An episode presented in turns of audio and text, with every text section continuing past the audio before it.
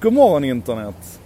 Den 31 januari, dagens datum, var lite speciellt för sisådär tre år sedan, jag tror det var 2015, när eh, The Pirate Bay, för eh, senaste gången i alla fall, reste sig ur askan som fågel Fenix. Ni vet den här sajten där vi kan ladda hem upphovsrättsskyddat material, eller rättare sagt som kan länka oss till bland annat upphovsrättsskyddat material så vi kunde tanka hem filmer och musik och grejer. Som eh, startades av Sunde och Nej och Gottfrid och gänget. Ehm, den försökte man ju plocka ner i massor med olika omgångar. Man försökte tekniskt komma åt den. Man lyckades till exempel stoppa piratebay.se-domänen så att nu är den tillbaka på piratebay.org igen. Man eh, beslagtog servrar. Det var 50 servrar vid det senaste tillslaget tror jag.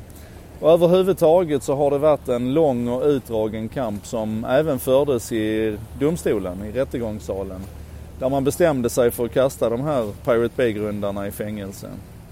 Och det är lätt för mig att komma att tänka på det naturligtvis när jag sitter här ute på Alcatraz och har vandrat runt i cellblock C och D och tittat på hur man tog hand om de här grova brottslingarna här ute på Alcatraz på fängelsen utanför San Francisco och dra paralleller då till, till hur man betraktade de här Pirate Bay-grundarna som i vissa avseenden får sägas vara tekniska genier, marknadsföringsmässiga genier som, som eh, försökte knuffa vår bild av hur vi ska hantera upphovsrättsskyddat material. Jag kan säga att det är inte på något enda sätt okomplicerat.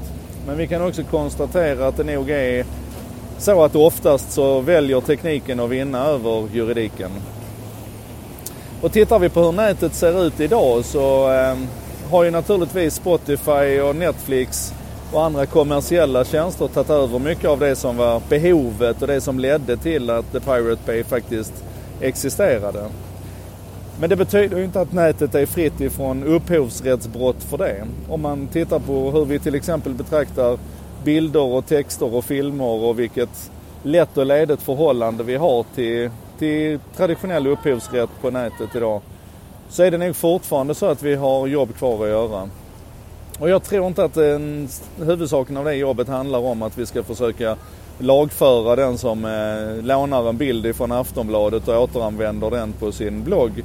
Utan jag tror snarare att det handlar om att vi ska titta över upphovsrätten överhuvudtaget. Vi har ett jobb att göra. Jag är själv till exempel en, en oerhörd vän av den licensmodellen som kallas för, eh, eller som heter Creative Commons. Som handlar om att man ger en, en enkel och överförd rättighet för andra att använda ens material redan från början. Jag tycker nog att vi bör fundera lite mer på eh, hur, hur, vad ska man säga, hur vardagens praktikaliteter ser ut och hur vi bör anstränga oss lite mer för att möta dem. Istället för att hålla fast vid den gamla teoretiska idén om hur upphovsrätt ska beivras. Ett klassiskt fall här nu det var ju när eh, Wikimedia Foundation blev eh, stämda av eh, konstnärernas, eh, BUS heter de väl va? Eh, eh, bildskaparnas upphovsrätts någonting, ja BUS, kolla det. För att man hade satt ihop en databas med eh, offentlig konst, alltså konstverk som står ute på offentlig mark som är betalda av oss skattebetalare och eh, som alltså står ute i offentligheten. Och då skapade man en databas över det som heter offentlig konst för att man ville att fler människor skulle få enklare tillgång till den här konsten och bli intresserade av den och så. Men då blev man alltså dragna inför domstol och man, man torskade då på upphovsrättsbrott. När du kan ta en bild på samma konstverk, trycka det på ett vykort och sälja det och det är helt okej. Okay. Men bara för att det då var digitalt istället så, så blev det en helt annan sak. Ja, det där är, det är deppigt och det är komplicerat och det är tråkigt. Och det är lite de tankarna som jag sitter och tänker här ute på Alcatraz. Vi ska se till att diskutera det där mer. Vi ska se till att klura på det men, men den korta storyn är väl att jag tycker att vi måste se till att anpassa vårt förhållningssätt till den digitala realiteten på ett sätt som vi är ganska långt ifrån att göra idag.